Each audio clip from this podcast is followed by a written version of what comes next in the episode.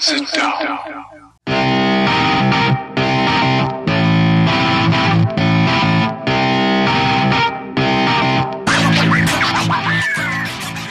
Witam wszystkich i każdego z osobna. Ja jestem Robert Kochan, a to jest Kochane NBA, najbardziej nieobiektywny podcast o najlepszej koszykarskiej lidze świata. To już 31 odcinek, a razem ze mną jak zwykle jest tutaj Wiaro. Siema Wiaro, co tam słychać u ciebie? Chyba nie za dobrze, co? Siema Robert, cześć wszystkim. E, nie no, wiesz co, wręcz przeciwnie, właśnie sobie siedzę i mm, podobnie jak drużyna Denver Nuggets, zastanawiam się już, e, gdzie by tu pojechać na wakacje mm, i jak, jak tu wykorzystać tą przerwę wakacyjną, która się zaraz szykuje, także e, nie no, wręcz pozytywnie. Czyli już co, już wywieszona biała flaga i, i przewidywane szybkie zakończenie sezonu, no i właśnie ucieczka na takie wakacje? Tak no, myślisz, no tak takie, to widzisz? Takie dostaliśmy wytyczne z NBA, nie? że w tym roku gramy krócej i możemy sobie zrobić szybsze wakacje, więc, więc, yy, więc no cóż pozostaje, no trzeba by się zdecydować, gdzie jechać, nie? A to widzisz, to ja cię może będę próbował dzisiaj przekonywać, żebyś się jednak wziął do roboty, bo, bo może jest e, o co zawalczyć, no ale po kolei, bo skąd e, w ogóle ten wstęp? E, wszystko wzięło się z tego, że no, w drużynie Denver Nuggets runął w tym tygodniu jeden z filarów, czyli Jamal Murray, który no, doznał kontuzji, która eliminuje go już z gry nie tylko do końca tego sezonu, ale także pewnie przez połowę następnego. No wydaje się, że katastrofalna wiadomość e, dla drużyny Nuggets, która no, kroczyła od zwycięstwa do zwycięstwa, od kiedy Aaron Gordon dołączył do tej drużyny. O tym, o tym na pewno dzisiaj porozmawiamy, od tego zaczniemy, natomiast e, chciałem Cię, Wiaro, zapytać tutaj, e, no bo oczywiście obydwaj, myślę, życzymy Jamalowi szybkiego powrotu do zdrowia i, i, i nie wiem, nasze myśli są z nim, czy, czy też modlitwy, no i, no i mamy nadzieję, że szybko, szybko się upora i wróci w bardzo dobrej formie, natomiast co to oznacza dla samego Mureya i, i jak myślisz, czy tej sytuacji dało się e, uniknąć? On jednak e, wrócił do, do gry po przerwie kilku meczów. Czy, czy uważasz, że tutaj, nie wiem, drużyna Nuggets czy, czy sam Murray mogli coś więcej zrobić, żeby do, tego, do tej kontuzji nie doszło? Nie, no wiesz co, to można w ogóle y, tak mówić w ten, ten sposób? Myślę, że jest bardzo mało przypadków takich, kiedy możesz jasno i wyraźnie powiedzieć, że kontuzja była czyjąś winą. No, kontuzje są częścią sportu, zdarzają się w najlepszym, w najróżniejszych sytuacjach. Nie wydaje mi się, żeby tutaj ktokolwiek zawinił, no tym bardziej, że to jest zerwane wiązadło. No wiązadło to nie jest, jak, jak zapewne nasi słuchacze też wiedzą, to nie jest mięsień, który można przeciążyć, czy, czy w jakiś sposób go nadwyrężyć, po prostu nie wytrzymało obciążenia, które, któremu było poddane, e, no, no, i coś tam się urwało. No i tak jak mówisz, no kontuzja katastrofalna to jest e, kontuzje pleców i kontuzje kolan to są najgorsze kontuzje dla koszykarzy, zresztą dla wielu sportowców to są najgorsze kontuzje. Bardzo ciężko się wykaraskać z tych kontuzji i wrócić później do pełni zdrowia. Jeszcze kolano, e, akurat, akurat więzadło, bodajże to jest boczne, ale nie jestem w 100% przekonany, to jest e, więzo, no, wiązadło krzyżowe przednie, ACL. Krzy, krzyżowe przednie w, jednak, tak? Tak, w lewej nodze Jamela Moreya. No to widzisz, no to, to jest właśnie Jeśli ten, przynajmniej ja się nie mylę, tak, e, tak No to jest ACL po angielsku, no ja nie jestem lekarzem, więc ciężko mi się tutaj wypowiadać w tym momencie, nie, nie, nie jestem taki jakiś biegły w tych sprawach, natomiast no, no poważna kontuzja kolana, tak, to nie wygląda, nie wygląda to w ten sposób, żeby, żeby Jamal e, mógł myśleć o szybkim powrocie do zdrowia, jeszcze tylko tak, może lekko śmiesznie, ale chciałbym sprostować, że e, akurat moje modlitwy na pewno z Jamalem nie są, bo ja się akurat nie modlę, ale oczywiście dobrze mu życzę e, i, i, i życzę mu jak, najszybszej, jak najszybszego powrotu do pełni zdrowia. Tak chciałbym, żeby, żeby wrócił do tego, do, do jakby tej formy, którą prezentował, tak jak podobnie jak Paul George, czy podobnie jak Gordon Hayward. Chociaż to oczywiście nie jest aż tak dramatyczna kontuzja, tak? No umówmy się, tam, tam jednak e, na, na, na, tam, na te kontuzje, które teraz przytoczyłem, no to nie dało się patrzeć. Także wiesz, no mm, nie wydaje mi się, żeby ktoś tutaj zawinił, no cóż, no, część sportu. No niestety z kolanami w koszykówce tak jest. Przydarzają się niestety te zerwane więzadła. Yy, no i cóż, no, no tak jak mówię, no, no jedyne co to, to, to można życzyć tutaj Murejowi jak najszybszego powrotu do pełni zdrowia, trzymać za niego kciuki. Mm, no i powoli myśleć o tym, gdzie Denver Nuggets się wybierają na wakacje. No, no, bo, no bo tak jak mówisz, no wprawdzie może to nie jest najważniejszy nasz filar, ale jeden z dwóch filarów, na których opiera się ta drużyna w tym momencie runą. Nie? Dlaczego opowiedziałem w ogóle mm, o tym, czy, czy tej kontuzji można uniknąć? Bo wiesz, to zastanowiło mnie to, że Marej, co prawda, prawe kolano, e, cztery mecze wcześniej sobie mm, naciągnął, tak? Jeśli nie mylę, miał uraz prawego kolana, który spowodował, że nie zagrał e, czterech meczów z rzędu, po czym wrócił e, po takiej właśnie pauzie, no i od razu zagrał 31 minut. I zastanawiam się, czy tutaj na przykład, wiesz, teraz dużo się mówi też gdzieś o tym, o tym load managemencie, tak? Że podobno stoi za tym nauka. Czy myślisz, że na przykład tutaj były w ogóle e, jakieś takie rozterki, czy po prostu wierzyliście i chcieliście bardzo wygrać ten mecz, bo zależy wam na, no na jednak dobrym seedzie e, na zachodzie? Czy, czy tutaj coś e, ewentualnie twoim zdaniem mogło się lepiej wydarzyć? Czy wszystko byś jakby z twojej perspektywy zrobił tak samo?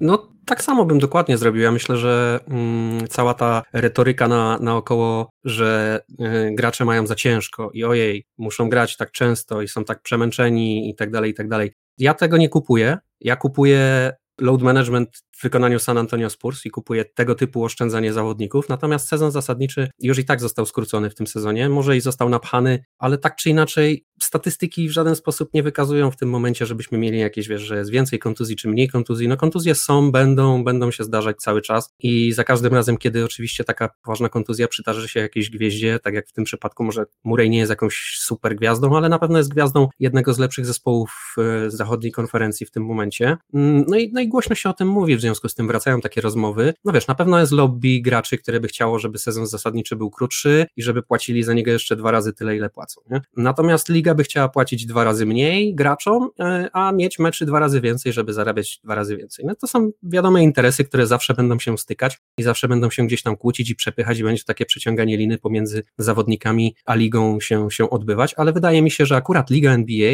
bardzo mocno zwraca uwagę na takie rzeczy, dba o takie rzeczy i jednak pilnują się, żeby nie przeciążać tych zawodników no, umówmy się, to jest naprawdę y, liga, w której gracze mają bardzo dużo przywilejów w porównaniu z tym, co, co jest w innych ligach, a jest też osobna prawda taka, że jakby nie było, jest to najlepsza liga świata i skoro chcesz być jednym z najlepszych 450, bo tutaj tylu jest zawodników w NBA, jeżeli chcesz być jednym z 450 na świecie w jakiejś dyscyplinie, no to zazwyczaj się to wiąże z jakimiś ustępstwami, na jakie musisz iść. Ten zazwyczaj wiąże się to z jakimiś wyrzeczeniami z twojej strony. No i myślę, że pretensje do profesjonalnej zawodników, profesjonalnych sportowców o to, że ktoś grał 30 minut w meczu i czy to jest dużo, czy to jest mało. No jeżeli on się czuł e, dobrze, jeżeli lekarze go puścili i powiedzieli, że jest wszystko ok, ma zielone światło na to, żeby grać 30 minut, to nie widzę najmniejszego powodu, żeby mu ograniczać te minuty do 20 minut czy, czy do 25. Tym bardziej, że tak jak mówisz, to nie była żadna odnowiona kontuzja, to nie było nic, co mu dokuczało wcześniej, to była po prostu zupełnie nowa kontuzja w drugiej nodze, która wzięła się, można powiedzieć, z, ni z, niczego, no bo to było bezkontaktowe, po prostu upadł krzywo. No każdy, kto miał zerwane więzadło, wie, jak to się dzieje. No to jest freaky y, accident i, i, i w tym momencie było dokładnie to samo. Nikt, nikt mu w żaden sposób w tą nogę nie wszedł. Też mówiło się bardzo podobnie w mm, kontekście tej kontuzji, którą odniósł LeBron James, e, kiedy Salomon Hill mu właśnie wpadł w nogę i też się mówiło o tym, czy, że, że, że jest zagrożenie, że będzie miał zerwane więzadło, bo właśnie w takich e, sytuacjach często do tej, do tej kontuzji dochodzi, a w przypadku Mureya to było kompletnie bezkontaktowe, nikogo koło niego po prostu upadł na jedną nogę całym ciężarem ciała i upadł tak niefortunnie, e, że po prostu poszły, poszedł cały ten ciężar w to więzadło, ono tego nie wytrzymało, pękło, no i, no i cóż. Wiesz, kto miał identyczną kontuzję i identycznie praktycznie się jej nabawił, a przynajmniej bardzo podobnie? Derrick mm. Rose. To jest no. trochę takie strasznie brzmiące nazwisko, nie? Jeżeli, jeżeli no tutaj no wiesz, myślimy są... o, o, młodej gwieździe i kontuzji, z jaką się może, może zetknąć. Ja akurat miałem dzisiaj e, chwilkę, żeby obejrzeć na YouTubie jest taki taki doktor medycyny sportowej, e, który po prostu analizuje kontuzje różnych graczy NBA na bieżąco i wypuszcza takie krótkie filmiki, w których po prostu opowiada o tej kontuzji, tam pokazuje też na różnych fantomach, wiesz, gdzie, gdzie dokładnie te więzadła się znajdują i, no, i, nawet i jak do tej kontuzji doszło, no właśnie, więc, więc, więc miałem okazję e, obejrzeć dzisiaj mm, troszkę e, ten odcinek, żeby się właśnie zapoznać i no i, i właśnie mu wspominał, że, że to jest dokładnie ta sama kontuzja, której, której nabawił się Derrick Rose, nie? Że nawet pokazywał, wiesz, ten moment, kiedy tam, nie wiem, stopa na przykład e, dotyka ziemi, gdzie następuje to skręcenie tego kolana, bo zwykle jest to takie trochę skręcenie boczne, które, które te więzadło zrywa, e, więc e, no, no nie są to dobre prognozy dla Mureya, nie? Bądźmy realistami, no to jest ciężka kontuzja i są oczywiście gracze, którzy to przechodzą lepiej, są tacy, którzy wracają po podobnej kontuzji. Russell Westbrook chyba też miał bardzo podobną kontuzję, jeżeli chodzi o kolano. Nie wiem, czy to było dokładnie to samo wiązadło, ale wtedy, kiedy Pat Beverly mu w kolano wszedł, a wiesz, raz wrócił do, do pełni jakby sprawności fizycznej, także no tutaj bardzo dużo zależy już od indywidualnego przypadku. Zobaczymy, jak to będzie w przypadku Mureya, ale jak najbardziej trzeba mieć na względzie to, że to, że on już może nigdy nie wrócić do tego, co prezentował. To już może być koniec naprawdę tej kariery takiej, jaką, jaką znaliśmy w, te, w jego wykonaniu do tej pory. Może wrócić już jako zawodnik, który nigdy nie wejdzie na ten, na, na ten, na ten superstar poziom, będzie po prostu takim komplementarnym zawodnikiem do zespołu.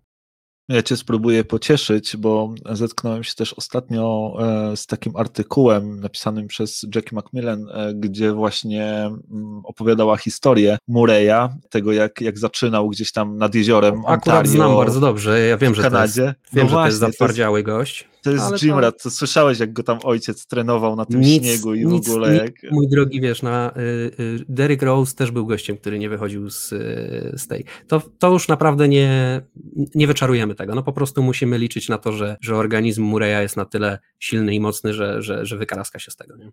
Też wiesz, z Murrayem i z Rose'em jest historia inna jednak, bo Rose w dużej mierze opierał swoją grę na atletyczności i, i na tych wejściach pod kosz. Murray jest fantastycznym sharpshooterem, tak? On nawet tracąc odrobinę na tej swojej atletyczności, może być ciągle bardzo dobrym zawodnikiem i, i świetnie spisującym się w tym, co umie najlepiej. Nie? No nawet słyszałem takie opinie, że to podobno w Denver tylko shooter.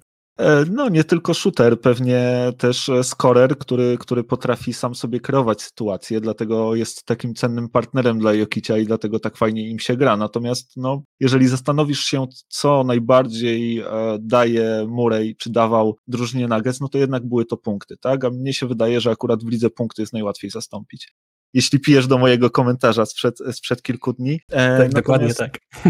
A co, nie zgadzasz się ze mną w tej, w tej kwestii? Nie no, zgadzam się z tym, co teraz powiedziałeś. Nie zgadzam się z tym, że to jest tylko shooter. No to jest jednak ktoś, kto kreuje akcje i tak jak powiedziałeś, no kreowanie akcji, kreowanie punktów w drużynie jest bardzo potrzebne, a w tym momencie jest już tylko Jokic, który potrafi to robić. No tutaj, tutaj akurat zgoda, że chyba. Natomiast no, Michael Porter Jr. zobaczymy, jak, jak dostanie. No widzisz, właśnie może porozmawiamy no, o tym teraz, bo chciałem cię zapytać, co, co oznacza strata Mureya dla drużyny Nuggets w tym sezonie, w tych playoffach i też w przyszłym sezonie. Co, co, co myślisz? No wiesz co, myślę, że największa strata jednak jest w tym sezonie. W przyszłym sezonie zobaczymy jak będzie, no bo jednak drużyna drużyna podlega zmianom i w drużynie można sporo zmienić, można zawsze jakichś trade'ów dokonać, można zawsze, wiesz, y, będzie draft, będzie, więc nie wiadomo jak ta drużyna będzie wyglądała w przyszłym sezonie, a wiedząc o takiej kontuzji, wiedząc o czymś takim, można reagować na to, starać się w jakiś sposób ten problem rozwiązać, no a umówmy się, że akurat front office, czy też, czy też zarządzanie w Denver to jest coś, w, jestem w miarę spokojny jakby o to, od, od paru lat to naprawdę dobrze funkcjonuje, także myślę, że tutaj y, staną na wysokości zadania i przebudują ten zespół, jeżeli będzie taka konieczność. Natomiast w tym sezonie, no to tak jak mówię, no po sezonie, to znaczy, co to znaczy po sezonie też, nie? No zależy jakie kto ma aspiracje i do czego. No Denver wciąż jest drużyną groźną, tak jak mówisz, wciąż jest drużyną, która ma, to jest głęboka drużyna, tam jest sporo zawodników, którzy prezentują fajny poziom i są, są też tacy zawodnicy, po których y, można się naprawdę sporo spodziewać, jak właśnie Michael Porter Juror. Natomiast ja wciąż uważam, że wiesz, ja widziałem tą, tą drużynę już kilkukrotnie w playoffach, y, różne jej mm, wariacje i zawsze nie można było jednego nigdy nie można było o Denver powiedzieć, a mianowicie tego, że brakuje tam talentu i brakuje tam potencjału. Nie? Tam zawsze byli właśnie tacy zawodnicy, którzy, którzy mogli coś pokazać i, i liczyło się na to, że coś pokażą. Tacy, tacy zawodnicy, że często się mówiło o nich, że mają potencjał, żeby gdzieś tam zostać y, grajkiem, mm, może nie, może nie jakąś gwiazdą, ale takiego wysokiego formatu. Tacy właśnie jak, nie wiem, Will Barton, czy, czy Paul Millsap, czy, czy Gary Harris, ale, ale suma summarum zazwyczaj w playoffach jednak doświadczenie i pewność tacy zawodnicy już ograni, którzy już mają pewien specyficzny poziom, na który wchodzą w tych playoffach i to prezentują, to jest jednak ta siła, na której, na której playoffy są budowane. I Denver też y, ze względu na to, że takich zawodników brakowało w Denver, e, no Bęcki zbierało w tych playoffach, tak? My się jakby tutaj budujemy do tego, do tego poziomu dość mozolnie, może mało kto na to zwraca uwagę, bo wiesz, no jeszcze dwa sezony temu nikt o Denver w ogóle nie mówił, mimo że ta drużyna była całkiem niezła, no ale w tym momencie, no wiesz, no na mistrza już szans nie ma moim zdaniem, nie? Znaczy iluzoryczne. Wiadomo, wszystko się w sporcie może zdarzyć, ale 7, 4 mecze wygrać, w 7 meczach wygrać z, z gorszą drużyną, w sensie będąc gorszą drużyną, wygrać z lepszą drużyną, To jest bardzo trudne do zrobienia, naprawdę ekstremalnie trudne, więc wątpię, żeby się tak udało, a wydaje mi się, że w tym momencie no nie jesteśmy drużyną, która może powiedzieć śmiało, że jest lepsza od wielu swoich konkurentów na zachodzie. Na pewno nie od Lakers, na pewno nie od Clippers, nie, nie wróżę nam, żebyśmy byli, żebyśmy y, mieli duże szanse z Utah czy z Phoenix. Myślę, że mamy szanse. Nie skreślałbym Denver akurat w tych pojedynkach, czy, czy z Portland, ale no nie jesteśmy na pewno faworytem wtedy tego wszystkiego. No i przede wszystkim to, co ja uważam, że, że w playoffach będzie bardzo mocno widoczne, to to, że właśnie nie mamy drugiego kreatora w drużynie. Tylko Jokic potrafi budować te akcje, a jeżeli jest tylko Jokic, to jest podobnie jak tylko Janis, czy tylko Embiid, czy tylko Durant, czy tylko LeBron. Jest tylko jeden groźny zawodnik, którego trzeba zatrzymać i reszta dobrych zawodników, których trzeba zatrzymać. A dobrych zawodników w playoffach się da zatrzymać mm, i jednego zawodnika, jak trzeba na niego rzucić skomasowaną obronę, też się da zatrzymać. Także wiesz, no w zeszłym sezonie Lakersi nas zlali dość gładko. E, ja liczyłem na to, że w tym sezonie będziemy w stanie stanąć z nimi do, do, do równego boju i, i ograć ich w finałach konferencji, a później jeszcze mm, bić się o mistrzostwo i liczyłem po cichu na to, że Denver w tym roku tego mistrza mm, ugra. No a teraz to ja już na to najmniejszych szans nie widzę. Owszem, może przejdziemy pierwszą rundę, ale to jest absolutne maksimum, które, które w tym momencie e, e, obstawiamy, że, że Denver jest w stanie w ogóle e, ugrać w tym sezonie. Powiem Ci szczerze, że właśnie jedyną drużyną z punktu widzenia Denver, której bym się obawiał, to są właśnie Lakersi, którzy Was w tamtym sezonie zlali, którzy mogą być zdrowi na playoffy. No bo poza tym powiem Ci szczerze, że zastanawiałem się i nie wiem, czy, czy nasze przekonanie o sile zachodniej konferencji nie jest trochę mitem, bo moim zdaniem macie spokojnie, ciągle, nawet bez Mureya, szansę na to, żeby myśleć przynajmniej o finale konferencji. No bo tak naprawdę, jakie tam są inne drużyny? Jest Salt Lake City Hawks, tak? Pamiętamy, jak to, jak to było z Atlantą parę lat temu i no Utah Jazz są trochę bliźniaczą drużyną pod tym względem. Są Suns, którzy nie grali w playoffach od czasów Mieszka pierwszego i nie mają żadnego doświadczenia, no i nie wiadomo, co, jak, jak oni w playoffach zagrają, tak? Sezon zasadniczy mają fantastyczny, teraz grają świetnie, no ale jak się zaczną playoffy, jak się zmieni trochę tempo gry, ci chłopacy nie mają zbyt dużego doświadczenia, okay, jest tam Chris Paul, który może ich poprowadzić, no ale kto to wie, są szklani Clippers, tak? Którzy mogą pęknąć po prostu w każdej chwili i się rozsypać w drobny mak i nie ma i się może skończyć nawet 4-0 przeciwko Clippersom, bo bo to jest taka drużyna. Jak będą mieli dobrą serię, to i oni mogą wygrać 4-0, ale oni są absolutnie ze szkła. No jest połamany zawsze Portland, tak? Bo tam akurat mówię Portland, bo tam nie ma defensywy w ogóle. No, fatalnie grają e, w obronie i z taką ofensywą, jaką wy macie, e, tą dyrygowaną przez Jokicia, wydaje mi się, że Portland też jest spokojnie do puknięcia, więc nie wiem, czy to trochę nie jest taki mit, że ta zachodnia konferencja jest taka rzeczywiście mocna. No, najmocniejsze drużyny pewnie, z jakimi się możecie spotkać, to są właśnie Lakers, no i pewnie Nets w finale, nie? Tutaj ktokolwiek wyjdzie z zachodu, trafiając pewnie na Nets, będzie miał bardzo trudne zadanie.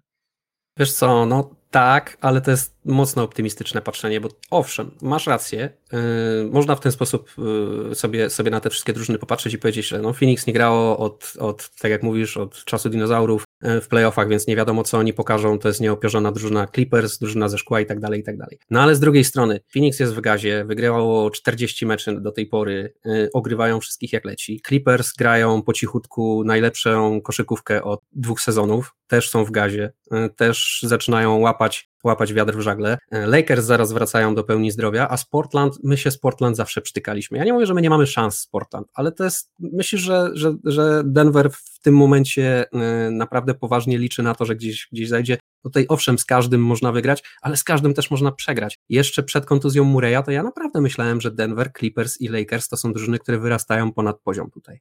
I każda z tych drużyn moim zdaniem była faworytem z każdą inną drużyną, nawet jeżeli miała się mierzyć z Utah i teoretycznie nie byłaby faworytem na papierze, to moim zdaniem była faworytem i, i, i, i któraś, ty, i, i śmiało bym obstawiał, że to między tymi trzema drużynami rozegra się bój o to, kto zagra w finałach konferencji. A w tym momencie to Denver jest jednym z całej reszty stawki. Jest po prostu jednym z całej bandy Phoenix, Utah, e, Portland, Dallas i, i, i Golden State, San Antonio czy, czy Memphis, czy ktokolwiek tam jeszcze wejdzie z tego play-in tournamentu. Nie? Mm, to, to, to nie, no, tych, no, tych ostatnich drużyn akurat no, bym chyba nie mieszał w to. No okej, okay. Dallas jeszcze bym może pomieszał, ale może tak, faktycznie tak, tak. z Golden State będziemy mieli, mieli, mieli szansę, jeżeli faktycznie z Golden State nam przyjdzie grać, to będę obstawiał, że jesteśmy faworytem, ale to jest tyle, stary, nie? Cała reszta to jest moim zdaniem nie, jest, nie wyrastamy ponad to, co prezentuje w tym momencie Phoenix, nie wyrastamy ponad to, co prezentuje Utah. No i owszem, masz rację, można z nimi wygrać, ale ja też uważam, że ani Utah, ani Phoenix nic nie ugrają w tym roku. Ja uważam, że oni dostaną po prostu bęcki w tych playoffach i Phoenix to dopiero zbierze doświadczenie, a Utah się jak zwykle dowie, na, na czym świat polega. Więc o to mi chodzi. I Denver myślę, że jest w takiej samej sytuacji już w tym momencie, nie? że teraz już trzeba się opierać całkowicie na Jokiciu, a Jokic to jest za mało, żeby wyjść z zachodu moim zdaniem. E, swoją drogą, tak a propos jeszcze Utah, to, to właśnie zaraz przed naszym nagrywaniem wybuchła Watch bomba, w której e, poinformowano, że mniejszościowym właścicielem Utah został Dwayne Wade. E, ale tak, absolutnie masz rację. Tak bym właśnie mniej więcej teraz sytuował Denver na, na tej samej pozycji, mniej więcej na tym samym tierze, co właśnie, co właśnie Utah, co, co Phoenix, co Portland. Natomiast rzeczywiście wydaje się, że, że w takim normalnym scenariuszu te szanse nie są e, bardzo duże, ale też wiemy, jak losy w playoffach się układają i że wszystko się może zdarzyć i, i możesz się znaleźć w takiej sytuacji jak Toronto, tak? E, parę lat temu. A wtedy wiesz, wszystko przed tobą, więc. No, dlatego mówię. Jak, no, jak, jak myślisz, jak, jak to się skończy? Jakbyś miał strzelać, to, to co byś obstawiał? Myślę, że jakbym miał strzelać, to myślę, że dostaniemy Bęcki w pierwszej rundzie, bo myślę, że niestety będziemy grać z Lakers. tak mi się wydaje. Ale obstawiam, tak jak mówię, no obstawiam, jeszcze zależy jak ta drabinka się rozłoży, ale jeżeli trafimy na Lakers albo, albo Clippers, to obstawiam Bęcki w pierwszej rundzie, mm, jeżeli, w sensie, że Denver dostanie Bęcki w pierwszej rundzie. Jeżeli y, będziemy grali z kimkolwiek innym, no to rzut monetą to jest jak dla mnie, nie? No to mamy, mamy 50-50 szansę na to, że przejdziemy do drugiej rundy, no i ponad Clipsów i ponad Lakersów to nie widzę, żebyśmy się wybili w tym sezonie. Tak to obstawiam. Okej, okay, e, fair. Ja to widzę bardzo podobnie. Ja bym tylko wrzucił Clippersów też do tego worka 50-50. Nie wiem dlaczego tak nie doceniasz swojego własnego zespołu. Może nie chcesz zapeszać, a, a może po prostu nie, dlatego, przez to, co pokazali w zeszłym sezonie. Oglądam ich na co dzień i też wiem, że nie zawsze Paul George będzie grał tak, jak gra teraz, e, tak wyśmienicie. To, to nie będzie, wiesz, wiecznie trwać Shooters ale, Paradise, tak? Ale macie taki cichy, dobry sezon. Mało się o was mówi, nikt tam się nie pyskuje już w tych klipsach, już faktycznie Paul George tam coś ostatnio powiedział, ale szybko, szybko ucichł. I to jest bardzo dobre podejście. Nic nie gadacie, nic się tam nie dzieje, nie ma wiesz, hype'u ani nic, tylko gracie swoje i, i wygrywacie regularnie ze wszystkimi, niezależnie od tego, jaki wystawiacie skład, bardzo mi się to podoba, wbrew pozorom mi się wydaje, że to jest właśnie taki cichy faworyt w tym momencie do, do puknięcia Lakersów i wyjścia z zachodu. E, no i ja oczywiście pomijając to, że będę oczywiście Denver kibicował, ale no realnie wielkich szans nie widzę, więc raczej jak już Denver odpadnie z tych playoffów, to będę wtedy zapewne właśnie kibicował Clippers, żeby Lakersów e, z tronu zrzucić w tym roku. Wiesz, nie na darmo jest ta cisza medialna, ja niech ona się utrzymuje. Cisza, ja ci mówiłem, są tacy, którzy ci psują całą robotę. ja ich regularnie słucham akurat i się nie da. E, dobrze, słuchaj, wróćmy jeszcze do Nuggets i, i pogadajmy o przyszłym sezonie. Jak, jak myślisz, e, Murray wróci w jego drugiej połowie? Myślisz, że to może oznaczać jakieś kłopoty dla Nuggets? No wiesz co, myślę, że nie, no Nuggets jest bardzo dobrze sytuowaną drużyną w tym momencie, wiesz, no to jest taka trochę mm, drużyna, w której może nie jak w, nie, nie, ma, nie ma na takiej zasadzie jak, jak w Nets, że wiesz, w same gwiazdy, ale jest, jest i dużo asetów i mamy jeszcze jakieś draft piki, wiesz, i mamy fajne zarządzanie tą drużyną, mamy młodych, utalentowanych zawodników, to jest cały czas, wiesz, cały czas jest ta opcja, żeby, żeby Michaela Portera Jurora sprzedać za jakąś gwiazdę, jeżeli tylko się nadarzy okazja, nie? Wiesz, Juror gra naprawdę bardzo dobrze ostatnio, od chyba 10 czy 11 meczy już utrzymuje regularną serię 20 punktów, 10 zbiórek, e, to jest jak na jego pozycję taki, takie, takie, można powiedzieć golden ratio, takie, takie coś, do czego się zawsze dąży. Na, zawsze się mówiło o tym, że 20-10 na power forwardzie to są takie, wiesz, to jest taki Karl Malone standard e, all-starowego power forwarda, więc y, no chłopak tylko nabiera, nabiera wartości, zawsze jest ta możliwość, żeby go sprzedać, jeżeli, jeżeli nie będzie tego potencjału do końca swojego gdzieś tam prezentował i ściągnąć za niego jakąś już y, bardziej ukształtowaną gwiazdę mm, do Jokicia, może nawet z Murejem, wiesz, no ciężko powiedzieć, no wiesz, że nie ma sentymentów w, tym biznesie, nie? więc bardzo różnie to teraz się może dla tej kariery Mureja potoczyć. No ja oczywiście naj, najfajniejszy scenariusz byłby taki, żeby Murej w przyszłym sezonie wrócił w miarę szybko i wrócił do dobrej formy i żeby wrócił do tego, co prezentował do tej pory, mm, bo on ma świetną chemię z Jokiciem, to co mówisz, on się z nim naprawdę rozumie bardzo dobrze. To są, to są Power liderzy tej, tej drużyny. Tak, no i wiesz, Jokic bardzo dobrze się też uzupełniają, nie? Jokic z Murejem. Obaj potrafią też wziąć ciężar gry na, na swoje barki w końcówkach meczy. No, no to jest fajna chemia między nimi, to jest fajne duo a z tymi jeszcze właśnie dodatkowymi zawodnikami jak Michael Porter Juror czy, czy Aaron Gordon, no to w tym sezonie naprawdę groźna paka się z tego, z tego robiła, zaczynali też być w gazie, no i taka kontuzja, więc wiesz, no ja myślę, że jednak w przyszłym sezonie będzie w miarę, w miarę spokojnie, cała liga będzie jak zwykle pewnie wywracana do góry nogami, nie wiadomo co się wiesz, zadzieje w Golden State, nie wiadomo co się zadzieje w Phoenix, e, nawet u was nie wiadomo co się zadzieje, no wszystko zależy od tego jak się sezon skończy, wprawdzie już tam słyszałem, że Kawhi Leonard podobno mm, mocno myśli o przedłużeniu kontraktu z wami. Ja i, słyszałem o zainteresowaniu Golden State Warriors. No, no ale właśnie, nie, więc wiesz, no, zobaczymy wszystko jak się skończy, zobaczymy co się będzie w Lakersach działo, no takie na razie wróżenie, że wiesz, co to będzie w przyszłym sezonie, jak jeszcze jesteśmy przed playoffami w tym sezonie i tak naprawdę nie wiemy jeszcze, kto będzie mistrzem. Dużo się może jeszcze zmienić. E, zobacz, co się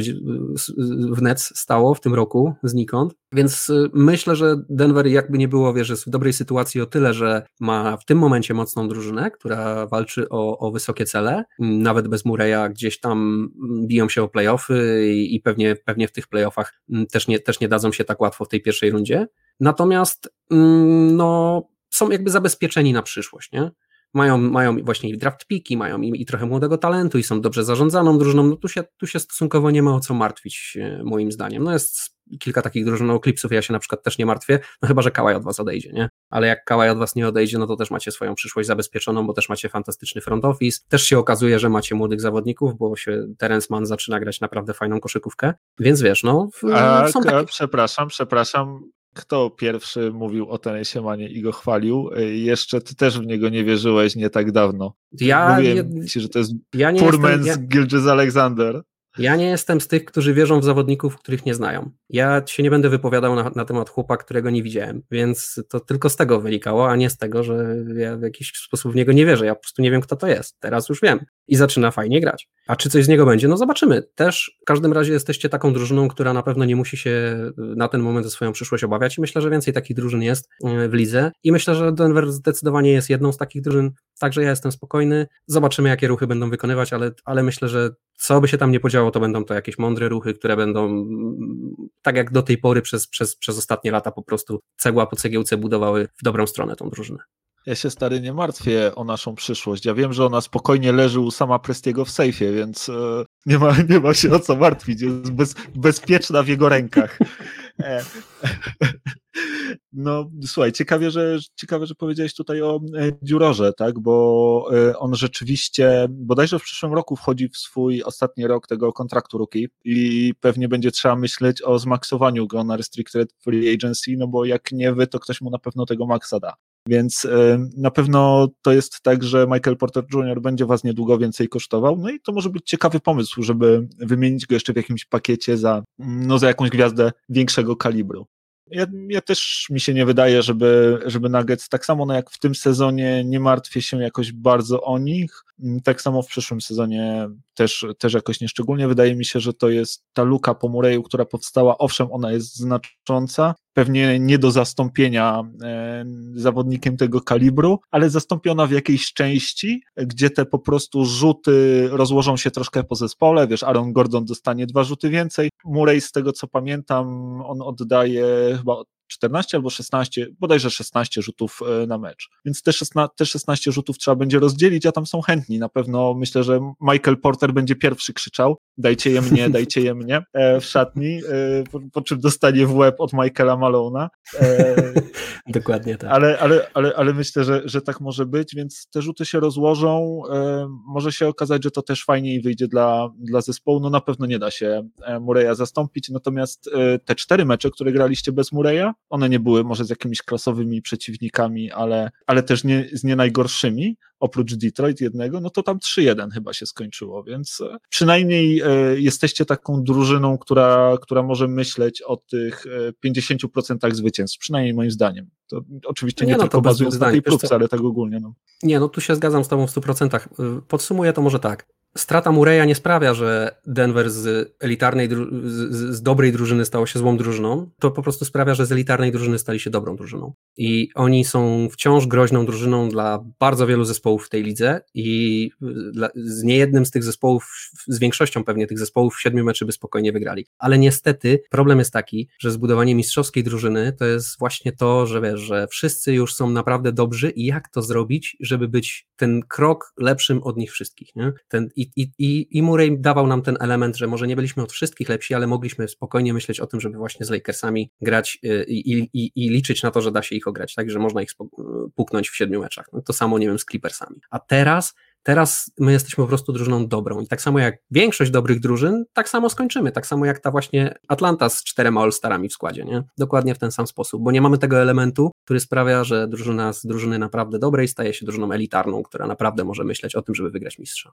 Pełna zgoda, bardzo ładnie to podsumowałeś. Mm, a powiedz mi, bo macie jeszcze, jeśli się nie mylę, jedno wolne miejsce w składzie i pewnie będziecie chcieli wzmocnić jakąś tę pozycję garda. E, ja tutaj słyszałem o, o jednym nazwisku, ty coś e, słyszałeś, czy może miałbyś tutaj jakieś preferencje chyba słyszałem o tym samym, o którym ty, bo też słyszałem o, ja słyszałem o Austinie Riversie i z tego co wiem, to ty chyba też, więc... Tak, tak, tak, dokładnie tak. Tak, słyszałem o tym nazwisku, no wiesz, no nie ma się czemu dziwić, no komuś te minuty trzeba dać jakby nie było, przydałby się jeszcze jeden rozgrywający, wiesz, no okej, okay, Jokic rozgrywa, ale wciąż no przyda się jakiś obrońca, który będzie biegał za, za, za tymi zawodnikami, którzy są jego wzrostu i jego, jego wielkości, nie? No, od Jokicia tego oczekiwać nie można. E, Aaron, Aaron Gordon czy Juror, wiesz, Juror w ogóle w obronie nie gra, Aaron Gordon też nie będzie biegał za Stephen Kerrym, nie? No bo to bez przesady, więc wiesz, no musi jakiś taki obrońca być, a u nas jest w tym momencie tylko Montemoris i o tyle, o ile to jest bardzo dobry za, zawodnik, no to, no to potrzebuje mieć kolegę, którym, z którym się podzieli minutami, nie? Murray to jest jednak spora strata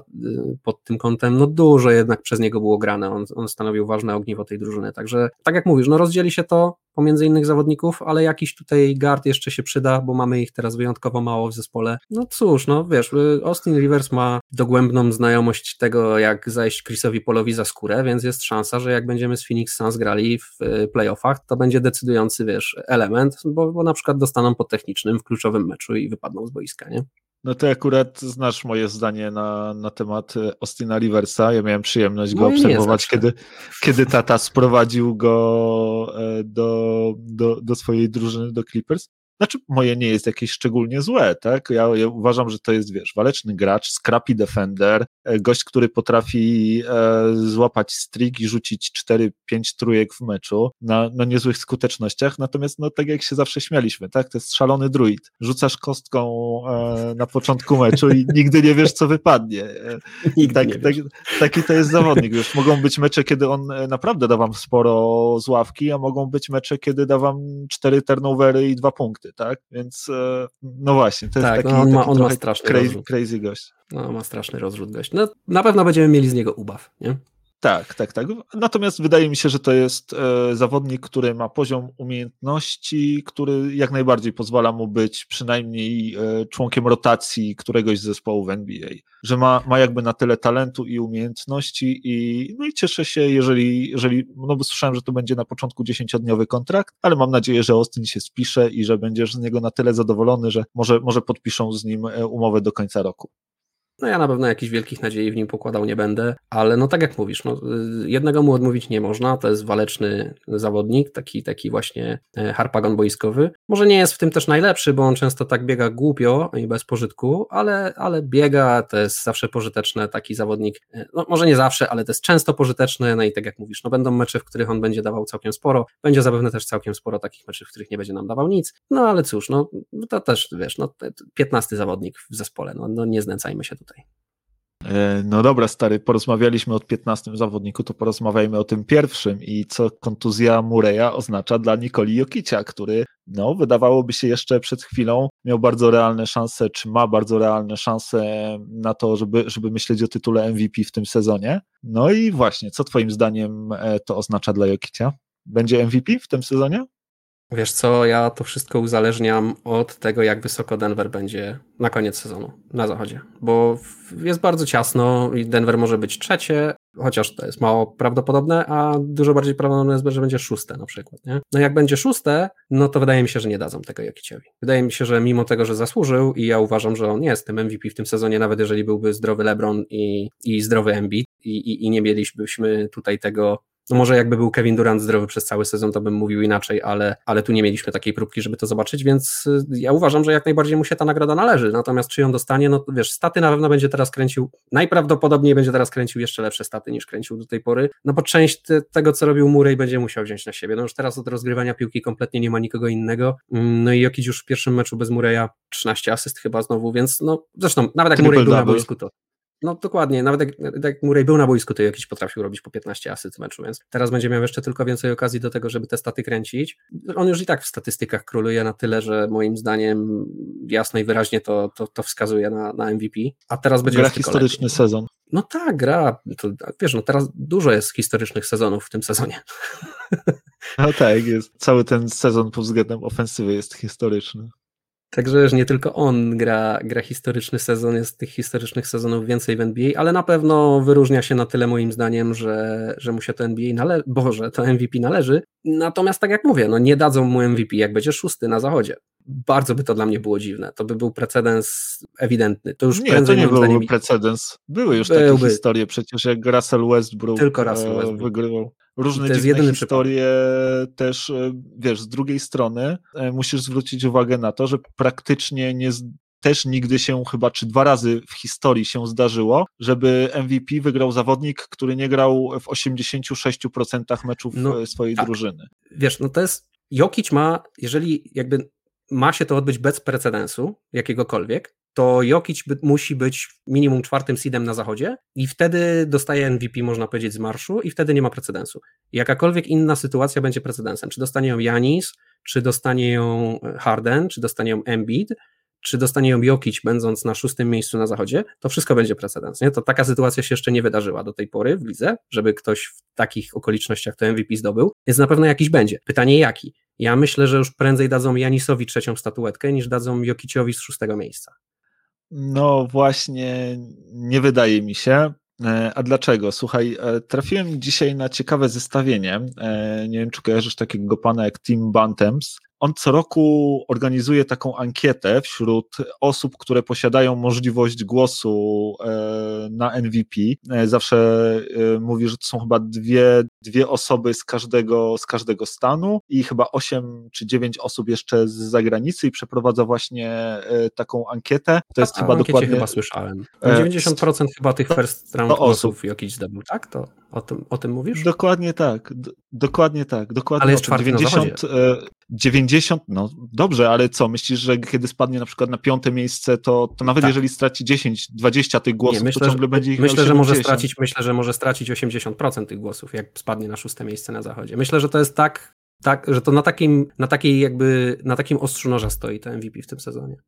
Mnie się nie wydaje, wiesz, bo dużo osób jednak uważa, że główny jego kontrkandydat, e, Embiid, który zdobył tylko pięć głosów pierwszych, e, jeżeli chodzi o, o MVP, że, że on nie widzi, znaczy, że głosujący nie widzą go za bardzo, że uważają, że stracił jednak e, za dużo tych meczów. Nie wiem, czy. W tym momencie. Właśnie, tylko musisz też zwrócić uwagę, że e, Embiid, nawet jeżeli zagra w każdym meczu do końca sezonu, w każdym, nie opuści żadnego, nawet back-to-backa, co zdarzało mu się często w tym sezonie, to zagra, jest w stanie zagrać maksymalnie w 75% e, meczów swojego zespołu, a w tym momencie E, gra tylko 50% minut e, jakby całego zespołu, gdzie Jokic gra chyba 75% e, minut jakby na, na cały zespół rozłożonych. Nie, nie musisz I, do i wiesz, i, i do tego, ja do tego zagrał głosował. w 100% meczów, więc wydaje mi się, ja że bym na niego głosował. będą na niego głosować. Wszystko zależy od tego, które miejsce zajmą, zajmą Nuggets. A już gwarantuję ci, że jak Nuggets będą siódmym miejscem na zachodzie, to ci już to ci gwarantuję, że jakiś nie zostanie MVP.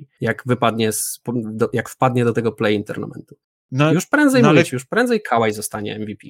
Kałaja w ogóle nie było nawet na tej liście. I nie, nie było na tej się, liście, nagle się ale, miał znaleźć. Okej, okay, ale jak przyjdzie do głosowania i trzeba będzie zagłosować na kogoś, na razie sobie wiesz, na razie y, jak rozmawiamy o MVP przez cały ten sezon, to jest to już chyba szósty zawodnik, któremu tą statuetkę przyznajemy. Więc Dokładnie MVP... tak, bo w tym sezonie MVP to jest last man standing, to jest e, No właśnie. Ostatnio, I ostatnio nie wiadomo, słyszałem... czy Jokic z tego nie wypadnie, bo Jokic może nie być last man standing, biorąc pod uwagę, że będzie szóstym czy siódmym seedem na zachodzie i wtedy będzie last man standing będzie Kawhi Leonard, albo last man standing My... będzie Janis. Co, a Denver będzie last place standing to the playoffs, tak? No dokładnie. Może tak być, naprawdę, więc wszystko, moim zdaniem, wszystko się rozbije o to, y, wiesz, no do tej pory historycznie to był zawodnik chyba z top 3 SIDA w większości przypadków, tam w 95% przypadków, nie?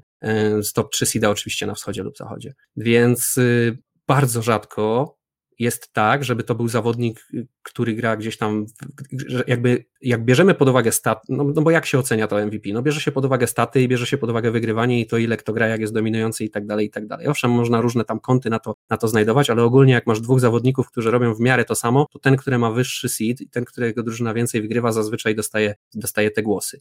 I tutaj też będzie podobnie, że jak, jak Jokic, jeżeli Jokic bym, wiesz, robił 40 punktów średnio i 17 asyst i 17 zbiórek, no to nikt by nie miał nic do powiedzenia, trzeba by mu przyznać to MVP, tak jak przyznano Russellowi Westbrookowi, właśnie wtedy, kiedy z ósmego miejsca na zachodzie dostał tą statuetkę, no bo nie mieli wyboru, no po prostu te statystyki były takie, że, że no, no, no, no musieli mu tą trzeba mu było oddać, oddać, bo to był ogromny wyczyn triple-double w sezonie, to wszyscy mówili, że to jest niemożliwe, nie? że od czasów Oscara Robertsona nikt nie zrobił czegoś takiego. Jokic nie ma takiego argumentu za sobą, nie, nie zrewolucjonizował niczego, robi bardzo dobre staty, ale nic, czego byśmy jeszcze do tej pory nie widzieli, więc jest, jest jednym z wielu, bo nie jest jedynym zawodnikiem, który robi takie fantastyczne statystyki w tym sezonie, bo tak jak już wspomnieliśmy, sezon obfituje wręcz w takich zawodników, więc myślę, że naprawdę wszystko się tu będzie rozbijało o to, jak wysoko to Denver zajdzie na zachodzie na koniec koniec sezonu. I jak będzie szóste albo siódme, to wielu z tych głosujących będzie jednak miało problem, będzie szukało jakiegoś innego kandydata, żeby jednak nie dać tego Jokiciowi ze względu na to właśnie, które miejsce mają na zachodzie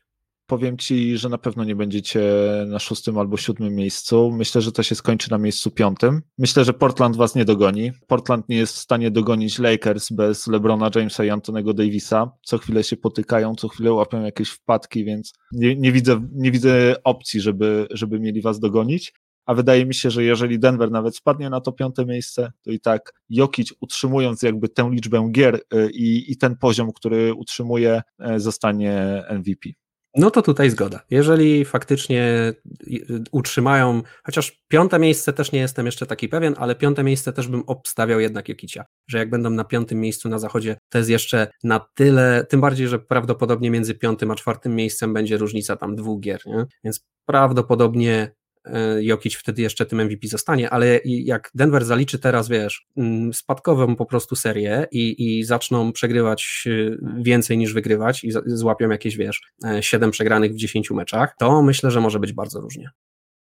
No to chyba się zgadzamy. E, ja też chciałem Ci taką ciekawostkę powiedzieć, bo akurat usłyszałem ostatnio o rozmowie, czy, czy o wypowiedzi pewnego GM-a, e, który powiedział, że oni się teraz czują w NBA jak w takim survival mode, że tyle jest tych gier, e, które, które grają tak często, choćby nawet Denver, tak? Ostatnio bodajże w ciągu 8 albo 9 czekaj, w ciągu 10 dni zagrali chyba 6 albo 8 meczów, już, już nie pamiętam dokładnie, ale jakieś to są absurdalne po prostu liczby meczów w krótkim czasie i że wszyscy się, okej, okay, oni wszyscy się na to zgodzili, ale wszyscy się czują tak mocno niepewnie i ci zobaczysz, e, jak też będą zachowywać się teraz poszczególne zespoły i myślę, że kontuzja Mureja też tutaj trochę otworzyła oczy niektórym e, głównym e, prowadzącym czy menadżerom zespołów i że coraz częściej będzie teraz, coraz częściej będziemy widzieć load management i to też może wpłynąć na, na wyniki MVP.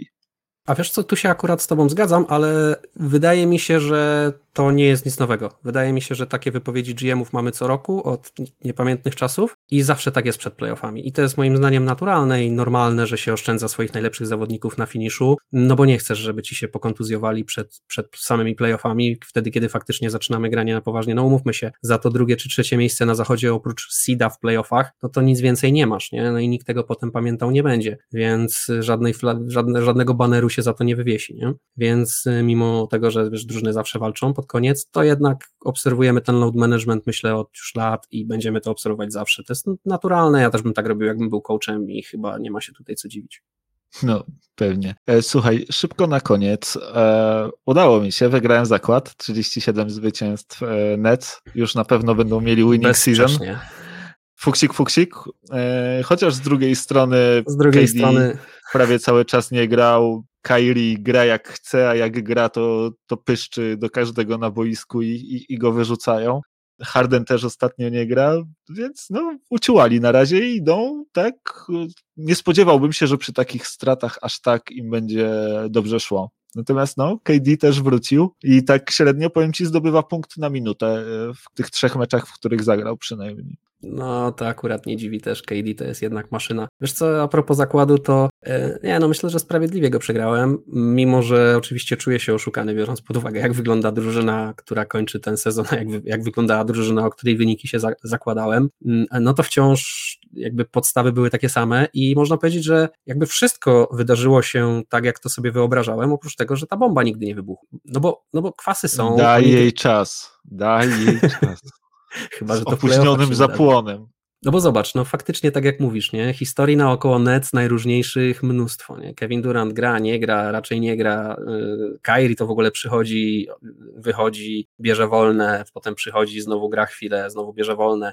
Mówią, że nie potrzebują trenera. Steve Nash też się trochę miota w tych swoich decyzjach, w tym co się dzieje. Kevin Durant y, ostatnio się pokłócił z jednym z celebrytów amerykańskich w dość też e, ciekawy sposób, więc także wiesz, no jakby wszystko się, wszystko się to dzieje w tej drużynie, czego ja, co ja się spodziewałem, że się będzie działo, tylko ja się spodziewałem, że to wszystko po prostu wybuchnie i, te, i, to, i to się tak nie da, nie? A oni zachowują się tak, jak się zachowują, wygląda to, jak wygląda, a potem wychodzą na boisko i leją wszystkich jak leci, nie? I to niezależnie od tego, kto w tym składzie wychodzi, no. E, Nets są dla mnie fantastyczną, można powiedzieć, niespodzianką, mimo że taką bolesną niespodzianką w tym sezonie. Mm, no i ja cały czas oczywiście obstawiam, że to runie i liczę na to, że to runie i, i nie mogę się doczekać tego momentu, kiedy to runie. Będę miał straszną pożywkę z tego, e, jeżeli się tak stanie. No ale kurczę, też nie będę ukrywał, że po cichu zaczynam się bać tego wszystkiego, co się tam w Nets wyprawia.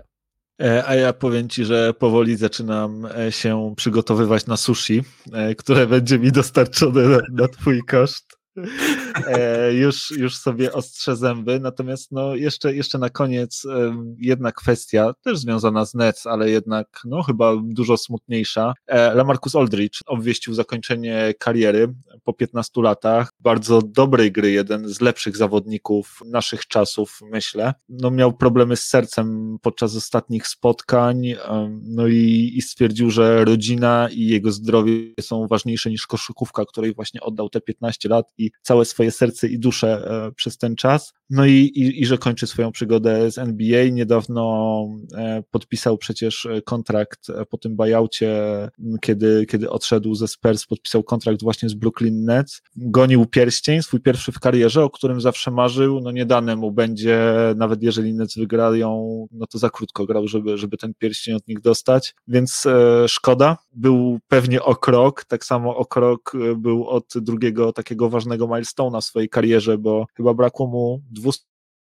do 20 tysięcy albo coś koło. E, natomiast no ciągle fantastyczny zawodnik, którego mi będzie z pewnością brakowało, którego będę e, dobrze wspominał. No i co? No i, i, i szkoda, że już nie zobaczę więcej Lamarcusa e, na, na parkiecie. Czy, czy masz tutaj może coś do dodania? No wiesz co, ja akurat, mimo że y, sympatią tego zawodnika akurat darzę, to boiskowo nie będzie mi go brakowało. Ja mm, nie, on prezentował taką koszykówkę mało widowiskową i taką mało, no dobry rzucający zawodnik, tak? No mm. wiesz co, powiem ci tak, to Tim Duncan nie byłby, przewróciłby nie, kwiatek, nie, nie, gdyby to usłyszał. Nie, nie, nie, nie, nie, Tim, Tim, Tim, Tim Duncan to był, no nie porównujmy, to nie, to nie był zawodnik pokroju Tima Duncana. Właśnie, okej, okay, nie był to zawodnik aż tak dużego formatu i nie był aż tak dobry, natomiast pod względem Przede wszystkim nie grał stylu gry... Nie, no, no Duncan, był, wiesz, Duncan, był, Duncan był fundamentalny, a, a, a, a Lamarcus co robił? No Lamarcus miał po prostu silky smooth jump shot no nie do końca, wiesz, te jego turnaroundy, te jego pick and popy, on tak naprawdę nigdy też nie miał specjalnie drużyny, z którą e, mógłby się pokazać. Akurat jak przeszedł do San Antonio Spurs, to, to Kawhi stamtąd odszedł. Portland też był takim trochę pomostem pomiędzy tymi czasami Grega Odena, e, Brandona Roya, a, a Damiena Lillarda. Oni tam też mieli wtedy całkiem fajną paczkę e, z Nikolasem Batumem. Potem stwierdził, że, że spróbuje sił w San Antonio. Tam też trochę było eksperymentów z Gregiem Popowiczem. No, nigdy nie trafił do jakiegoś takiego super miejsca, żeby można było powiedzieć, że wiesz. Ja tam e, uważam, że, że nie jest zawodnikiem, na którym można było oprzeć swoje budowanie swojego zespołu. No nigdy ani w Portland nie pokazał jakichś cudów, ani. No, to był dobry ofensywny zawodnik, ale ale tylko dobry. To nie, nie, był jakiś wybitny moim zdaniem zawodnik w niczym. No na pewno nie był to Tim Duncan. Może prezentował podo podobny styl, bo, też podobny w tym sensie, że też był nudny, tak?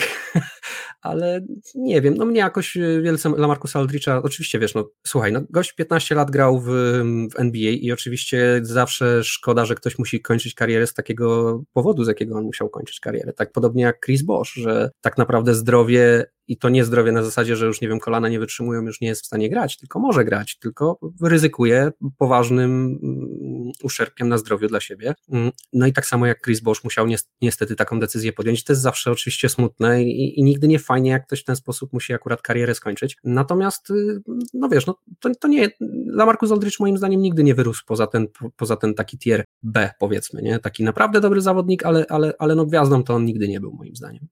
A myślisz, że tak jak Chris Bosch dostąpi zaszczytu i zostanie kiedyś Hall of Famerem? Wiesz co, ja takich dyskusji w ogóle odmawiam brania udziału w tych dyskusjach, dopóki Chris Webber nie zostanie Hall of Famerem.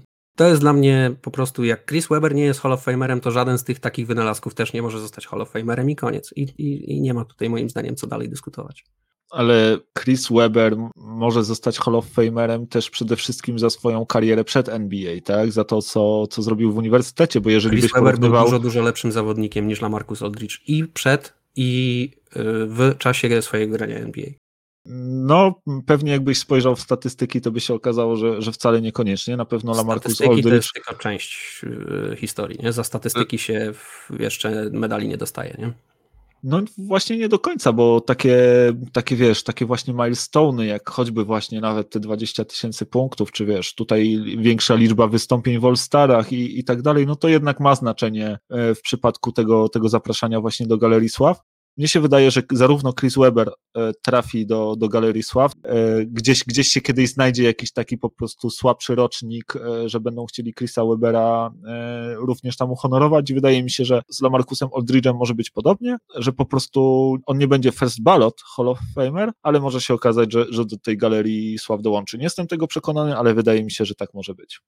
No nic moim zdaniem takiego niezwykłego nie, po, nie pokazał. No też jego statystyki, jak sobie tak na szybko spojrzałem, z, z nóg mnie nie zwalają. Dobre statystyki, 19,5 punktu, 8 zbiórek na, na, na mecz, dwie asysty, średnio w karierze, a to, a to raczej o takich statach mówimy, jeżeli chodzi o, o, o Hall of Fame. E, ale no, no, to nie jest dla mnie, wiesz, jakiś, jakiś yy, tak jak mówisz, na pewno nie First Ballot Hall of Famer, jeżeli oczywiście y, cała ta galeria sław w Stanach Zjednoczonych działa na takiej zasadzie, że oni co roku zapraszają ileś tam osób, mają jakieś wytyczne co do tego, ile tych osób ma być i zapewne jak się y, pożongluje tymi zawodnikami i zobaczy ilu jest kandydatów i tak dalej, to być może Lamarcus Aldridge się w tym wszystkim znajdzie. Ja tak tego nie analizowałem. Natomiast y, Chris Webber jest dla mnie zawodnikiem nieprzeciętnie lepszym od, od Lamarcusa Aldridge'a, nie tylko jeżeli chodzi o, o, o, to, co, co jakby zrobił, ale jak grał, jaką w ogóle siłę stanowił na, na, na boisku. Mm, także jeżeli mamy już takie rzeczy robić, no to róbmy je po kolei. Najpierw Chris Webber, który już moim zdaniem dawno zasłużył na to, żeby w tej galerii sław się znaleźć, a jeżeli już e, z jakichś powodów się uważa, że Chris Webber jest niewystarczająco dobrym zawodnikiem, żeby w tej galerii sław się znaleźć, no to wtedy Lamarcus Aldridge z automatu też nie. No rozumiem. A i tak e, przed Chrisem Weberem najpierw White Chocolate, Jason Williams. E, mój, mój osobisty e, Hall of Famer First Ballot. Dobrze. Słuchaj, dzięki Wiaro za ten dzisiejszy odcinek i dziękujemy Wam bardzo, że byliście z nami. Mamy nadzieję, że się dobrze bawiliście i, i, i fajnie się Wam nas słuchało. E, oczywiście pamiętajcie, że w każdej sprawie możecie do nas pisać na kontakt małpka kochana.nba.pl albo pisać też do nas na Facebooku. E, dajcie nam znać, e, co, co, co wy myślicie na te tematy, o których dzisiaj rozmawialiśmy. No i co? No i dziękujemy Wam bardzo raz jeszcze i zapraszamy na kolejny odcinek, który no pewnie jak zwykle już za tydzień. Dokładnie tak. Trzymajcie się ciepło i do usłyszenia za tydzień. Cześć. Trzymajcie się, hej.